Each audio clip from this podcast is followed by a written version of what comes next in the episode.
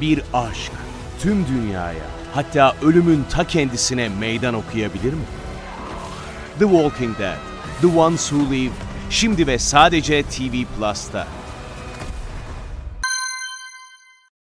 Selamlar arkadaşlar, Sinematris'e hoş geldiniz. Bu haftaki programımızda sinemasal açılımlar dosyamıza devam ediyoruz ve onun içinde yaptığımız kıyameti hak eden medeniyet dosyamızın da ikinci ve sonuncu bölümünü yapacağız bu hafta. Geçen hafta Uzun uzun anlatmıştık kıyamet öyküleri yaklaşık olarak nedir, ne değildir, hangi ortaklıklara sahiptir bundan bahsetmiştik. Ve aynı zamanda ortak mesajlara sahip olsa da temel olarak iki ayrı alt başlığa ayrıldığından da bahsetmiştik. Bunların bir tanesi insan eliyle olan kıyamet senaryoları, bir tanesi de insan eliyle olmayan kıyamet senaryoları diye ikiye ayırmıştık bu dosyayı. İnsan eliyle olmayan kıyamet senaryolarından da geçen hafta uzun uzun bahsetmiştik.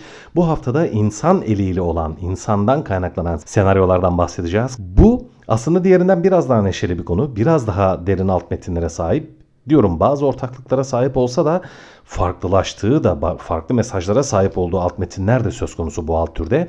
Ondan da bahsedeceğiz ama çok kısaca geçen haftaki programın özetinden de size bahsedeyim. İnsan eliyle olmayan kıyamet senaryolarının genel olarak ortak özelliği, ortak mesajı birincisi insanoğlunun kendisini çok gelişmiş ve ilerlemiş bir medeniyet olarak görmesine rağmen bu öykülerin, bu senaryoların yani bu alt türe sahip filmlerin hiç de öyle olmadığını düşünmesiydi. Bize diyordu ki yani siz çok gelişmiş bir medeniyet olduğunuzu zannediyorsunuz falan ama hiç de öyle değilsiniz.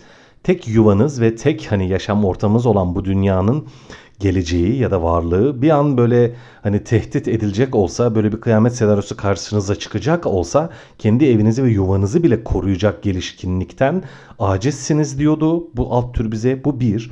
İkincisi ve aynı zamanda siz zaten ancak bir kıyamet senaryosu söz konusu olduğunda birbirinizin, işte dostlarınızın, ailenizin, yaşadığınız dünyanın, çevrenizin yani sahip olduklarınızın değerini zaten ancak böyle bir kıyamet senaryosu ortaya çıktığında anlıyorsunuz. Ancak o durumda anlayacak kadar aptal bir medeniyetsiniz. O yüzden aslında çok da fark etmiyor yani. Hani sahip olduklarınızı zaten çok da farkında olmadığınız için yani kıyameti bir nevi de hak ediyorsunuz. Çünkü ancak aklınız öyle bir durumda başınıza geliyor diyordu bu alt tür. Çok güzel örnekleri vardı. Geçen hafta birkaç tanesinden bahsetmeye çalıştım ama bitmez aslında yani diyorum sinema tarihi gerçekten kıyamet öyküleriyle dolu. Şimdi bu alt metinlere sahipti ve aynı zamanda temel me- mesaj neydi arkadaşlar? Temel mesaj geçen hafta vurgulamıştım kibir. Yani biz çok geliştik, biz çok ilerledik. O yüzden hala kendimizi böyle en üstün görüyoruz. Dünyada da diyorum en gelişmiş tür olarak besin zincirinin en üstünde örneğini vermiştim geçen hafta birden çok kez. Onu hatırlatmıştım. Kendimizi öyle görüyoruz ama aslında hiç de öyle değilsiniz diyordu bu alt türü bize. Şimdi gelelim insan eliyle olanlara. Burada diyorum olay daha da çetrefilleşiyor arkadaşlar. Daha da çetrefilleşiyor. Hemen örnekler vereyim. Nedir hani insan eliyle olan kıyamet senaryoları? Birincisi ilk akla gelen en yakın tarihli tür aslında da hani bu e, başlık altında en fazla örnek veren alt tür arkadaşlar. Makinelerin istilası. Biz hani şu an makineler yapıyoruz, robotlar yapıyoruz, bilgisayarlar yapıyoruz falan. Bir gün gelecek bunlar akıllanacak ve bizden daha gelişkin bir şey olacaklar. Ve bizi de yenecekler, bizi tehdit olarak görecekler, kendi bağımsızlıklarını ilan edecekler falan filan. Şimdi aslına bakarsanız tabii ki bu cyberpunk alt türünün, cyberpunk bilim kurgunun altına daha çok işlenen bir konu. Ve birçok insan aslında çok da ikna edici gelmiyor. Yani bir bilim kurgu gibi geliyor böyle çok uzak ufuk gibi geliyor ama dikkat ederseniz bilim kurgunun bu alt türünde cyberpunk türündeki filmlerde söz konusu öyküler çok da böyle ne bileyim bir Star Wars'lar gibi veya böyle hani çok böyle farklı evrenlerde, çok uzak evrenlerde süre giden öyküler değil. 20 sene önceki veya 30 sene önceki hatta belki 40 sene önceki Cyberpunk'lara baktığımızda çünkü Cyberpunk'ın sinemadaki başlangıcı 1980 Blade Runner filmiyle Cyberpunk'ın sinemada arzı endameti kabul edilir genellikle sinema tarihçileri tarafından. Şimdi ya, hani bugün itibariyle baksak yaklaşık olarak 40 senelik bir tarihi var ve 30 sene önceki 20 sene önceki Cyberpunk'lara baktığımızda o filmlerdeki bazı imgelerin bazı hani çok gelecekte olacakmış gibi böyle anılan teknolojilerin falan günümüzde söz konusu olduğunu düşünüyoruz. Mesela ne? Atıyorum genetik teknolojisi. Yani genetik hani teknolojisi öyle bir seviyeye geldi ki artık birçok hayvan yapıldı. İşte ne bileyim yapay koyun işte Dolly veya işte bir maymunun DNA'sı taklit edildi. İnsanınki de zaten çoktan çözüldü. Yani hani birçok böyle kıyamet hani komplocu arkadaş diyeyim hani işte zaten yapay insan yapıldı da işte açıklamıyorlar falan filan diye şeyler belki duymuşsunuzdur sağda solda.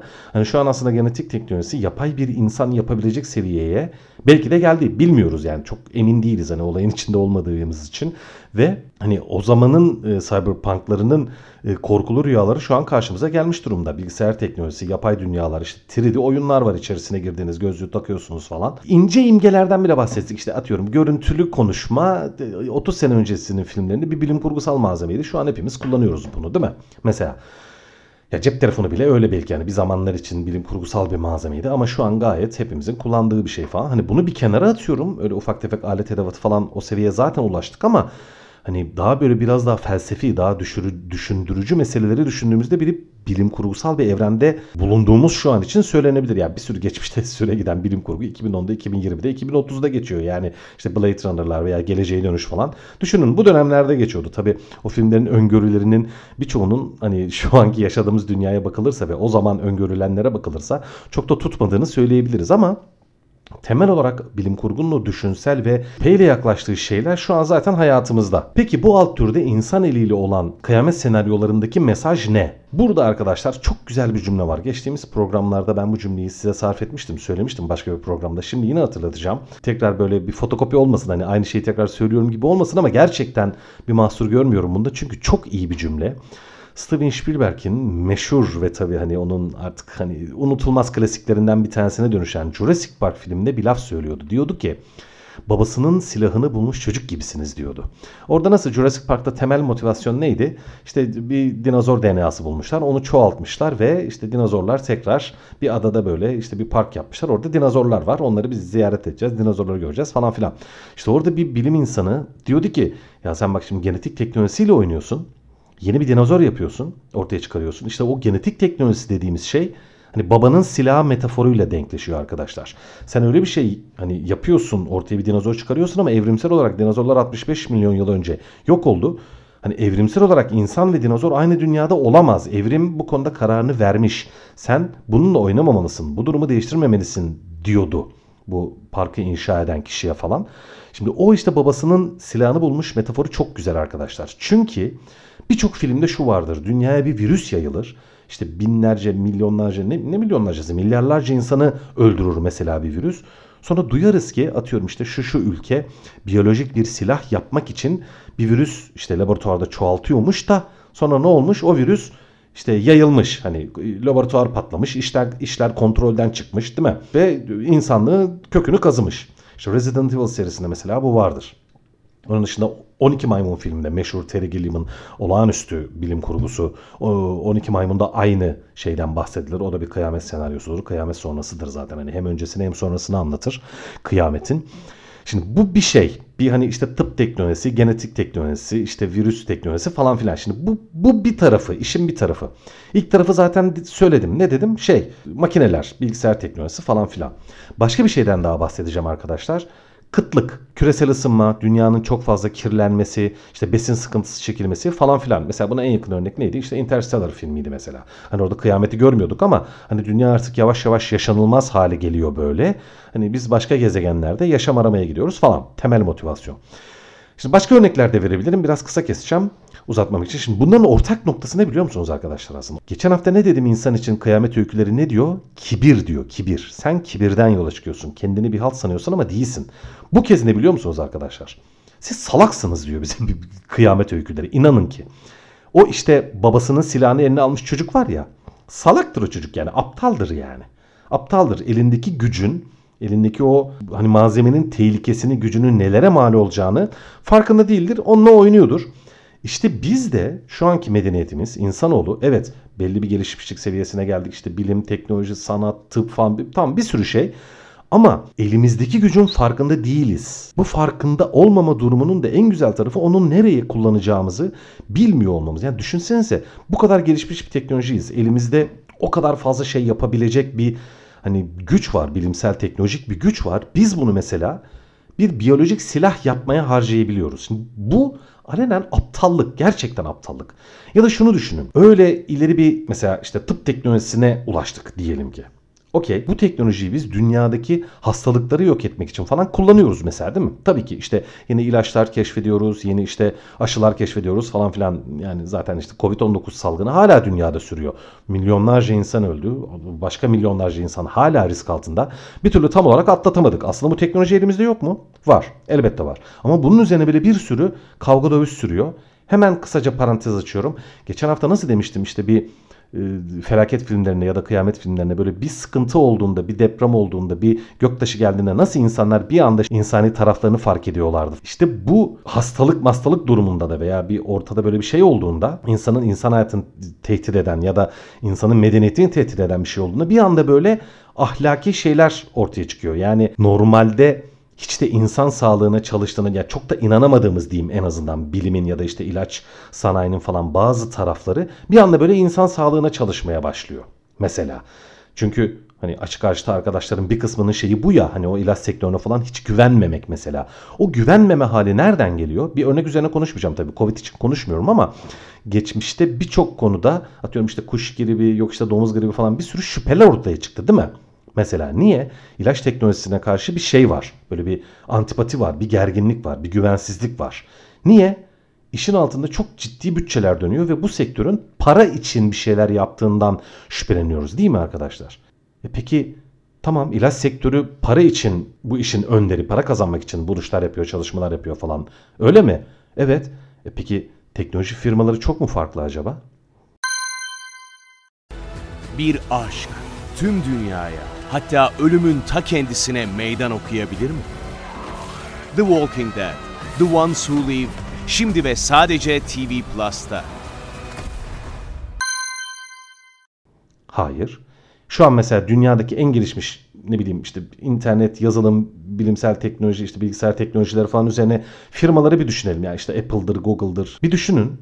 Onların da hepsi temel motivasyon olarak daha çok para kazanmak için teknolojiyi ilerleten firmalar değil mi? Evet öyle. Tamam başka bir alana geçelim mesela. Az önce neyden örnek verdik? Kıtlık dedik değil mi? Besin sıkıntısı. Dünyada kaynaklar var, belirli kaynaklar var ve biz bu kaynakları kullanıyoruz. En çok bu kaynakları yani besin sıkıntısı çekeceksek en çok bu kaynakları kim kullanıp yok ediyor? Küresel ısınma nereden ileri geliyor? Daha çok öncü sanayi firmaları değil mi? Hani atmosferi en çok üreten işte enerji sektörü diyebilirsin, petrol sektörü diyebilirsin. Ya da belki işte atıyorum otomotiv sektörü diyebilirsin. Ya da aynı zamanda tarım değil mi? Ta- ta- tarım alanlarını işte hayvancılık, tarım hani dünyaya aslında kirleten, yaşam alanlarını kirleten ya da verimli olmayan tarım ya da çevreye zarar veren sanayi bunların da hepsinin esas motivasyonu ne? Hani bu şirketler niye var? Yine para kazanmak için değil mi arkadaşlar? Bakın ortaklık şöyle ortaya çıkıyor. Dünyadaki aslında tüm işte teknolojik, bilimsel işte ne bileyim yeme içme ile ilgili, kılık kıyafetle ilgili her türlü alanın ve mecranın öncüleri yani bir alanı en ileriye taşıyan kişiler kim oluyor arkadaşlar? Şirketler. O şirketler kendi alanının önderi oluyorlar. Nasıl önderi oluyorlar? Bilimsel ve teknolojik olarak en azından o mecranın öncüleri oldukları ya da olabilecekleri için en büyük ve en güçlü şirketler oluyorlar. Ama şirketlerin esas motivasyonu ne? Para kazanmak. İşte bakınız buradan şöyle bir mesaj ortaya çıkıyor. Bu tür de bize diyor ki kardeşim siz salaksınız. Çünkü medeniyeti ilerletirken bilimi, teknolojiyi, işte tıbbı, kimyayı, fiziği, işte tarımı, gıda teknolojisini her şeyi ilerletirken aslında insan sağlığını, dünyanın sağlığını düşünerek ilerlemiyorsunuz siz diyor. Para kazanmak için iler, ilerliyorsunuz ve bu yüzden imza attığınız ilerleme size aslında fayda olarak geri dönmüyor diyor. Çünkü insanları besleyeceğiz diye tarım yapıyoruz ama daha çok para kazanabilmek için daha kirli tarım yapıyoruz. Toprağı kirletiyoruz, suyu gereksiz yere harcıyoruz. Ya da tarımdan örnek verdim. Başka bir şeyden örnek vereyim. İşte atıyorum ilaç sanayi olarak düşünelim. Yaptığımız ilaçlar insanlara ne kadar faydalı, ne kadar çare oluyor, ne kadar hastalıklara deva buluyor ya da belki bazı hastalıklar yani en basitten atıyorum alerjiler alerjiler için çalışan ilaç sektörünün apayrı departmanları var. Ama bir de AIDS var. Atıyorum kanser var. Hani büyük hastalıklar var. Ama bir anlamda da kozmetik sanayi var. Şimdi kozmetik sanayinin insanlığın gelişimine ya da medeniyetin güçlenmesine ne kadar faydası var? Çok daha azdır değil mi? Bir AIDS'e göre, bir kansere göre ya da hani dönemin önemli hastalıklarına göre hani insanların başı çıkmakta zorlandığı milyonlarca, on milyonlarca insanın ölümüne sebep olan hastalıklara harcanan, ayrılan parayı, enerjiyi, zamanı düşün. Bir de işte diyorum hani atıyorum hiçbir şeye faydası olmayan tıbbın başka bir alanı atıyorum işte estetik estetik ameliyat teknolojileri, estetik teknolojiler veya kozmetik teknolojileri. Hangisine daha fazla para harcanıyor acaba? İşte hangisi daha çok para getiriyorsa, hangisi daha fazla para kazandırıyorsa o şirkete oraya daha fazla araştırma, geliştirme veya ilerleme için bütçe ayrılıyor, zaman enerji ayrılıyor. Yine aynı noktaya geliyoruz bakın arkadaşlar. Yani demek ki günümüzde kapitalist dünyada insanın ilerlemesi, medeniyeti ilerletmek daha güçlü, daha verimli, daha uzun ömürlü, ne bileyim daha erdemli bir medeniyet, daha güçlü bir medeniyet olmak için değil. Hani bu esas odağa alınarak değil daha çok şirketlerin büyümesi ve daha fazla para kazanması amacıyla ilerleniyor. Ve bu da hiç de erdemli bir amaç olmadığı için aslında geri dönüşleri de çok da düşünülmediği için insanın faydasına falan olmuyor. E ne oldu şimdi? Bu ilerleme, bu gelişme, bu bilimsel teknolojik gelişme aslında insan medeniyetinin mantıklı ve akıllı bir şekilde gelişmesi anlamına gelmiyor arkadaşlar.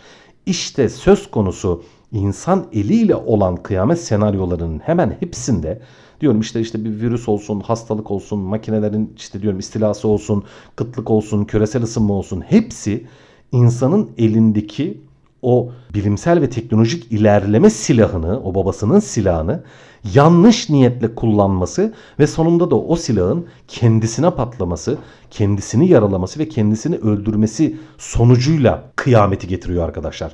İşin özü bu. Ve bu anlamda diyorum geçen hafta demiştim ya insana kibirlisin sen, hak etmiyorsun bu yuvayı, bu dünyayı, bu medeniyeti. Sonun gelecek diyordu. Bu türler de bu insan eliyle olan kıyamet senaryoları dediğimiz alt tür de bize siz medeniyeti olarak insan medeniyeti ulaştığınız medeniyette hiç gelişkin falan değilsiniz aptalsınız. Çünkü sahip olduğunuz gelişkinlik sizin hayrınıza olacak bir gelişkinlik değil diyor bize bu filmler arkadaşlar. Bunun çok diyorum çok fazla örneği var.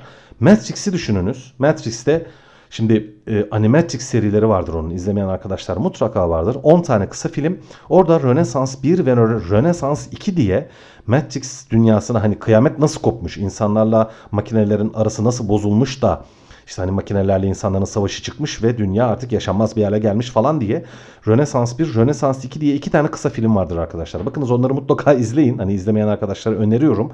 Matrix dünyasının nasıl ortaya çıktığından bahseder. Mesela o filmlerde insanın bilimsel işte teknolojik gelişiminde öyle bariz stratejik hatalar yaptığını gösteriyor ki mesela o kadar güzel anlatıyor ki o kısa filmlerde. Zaten kısacık filmler diyorum hani zaten kısa film yani. Onar dakika yanlış hatırlamıyorsam. 9'ar onar dakika iki film. Orada çok güzel anlatır. Diyorum başka örnek başka kıyamet senaryolarında hep zombi filmleri diyorum ya işte salgın hastalık bir virüs yayılır falan. O kıtlık meselesinde de genel olarak insan nüfusunun anormal biçimde artmasından çok toprakların ve dünyadaki suyun yani aslında doğanın, dünyanın bize neredeyse bedava verdiği bu yaşam kaynaklarını kirletip yok etmemiz temelindedir o kıtlık meselesi. Yani verimli kullansak, akıllı kullansak dünyanın sahip olduğu bu yaşama e, malzemelerini diyeyim, yaşama ortamını, yaşama yakıtını biz doğru biçimde kullanacak olsak kıyamete falan gideceğimiz yok ama bunu mahveden biziz. Kendimiziz. Bu da aptallığımızdan ileri giriyor. Yanlış motivasyonlarla medeniyetimizi ilerletmeye çalışmamızdan ileri geliyor. Ve arkadaşlar her şekilde bu silah kendi elimizde patlıyor, bizi yaralıyor, bizi öldürüyor. Şimdi bu alt türün temel mesajları insanoğlunun hani aptallığı böyle salaklığı hani elindeki silahı e, elindeki malzemeyi nasıl kullanacağını bilmemesi olarak özetlerken bir de şöyle bir gerçek çıkıyor karşımıza.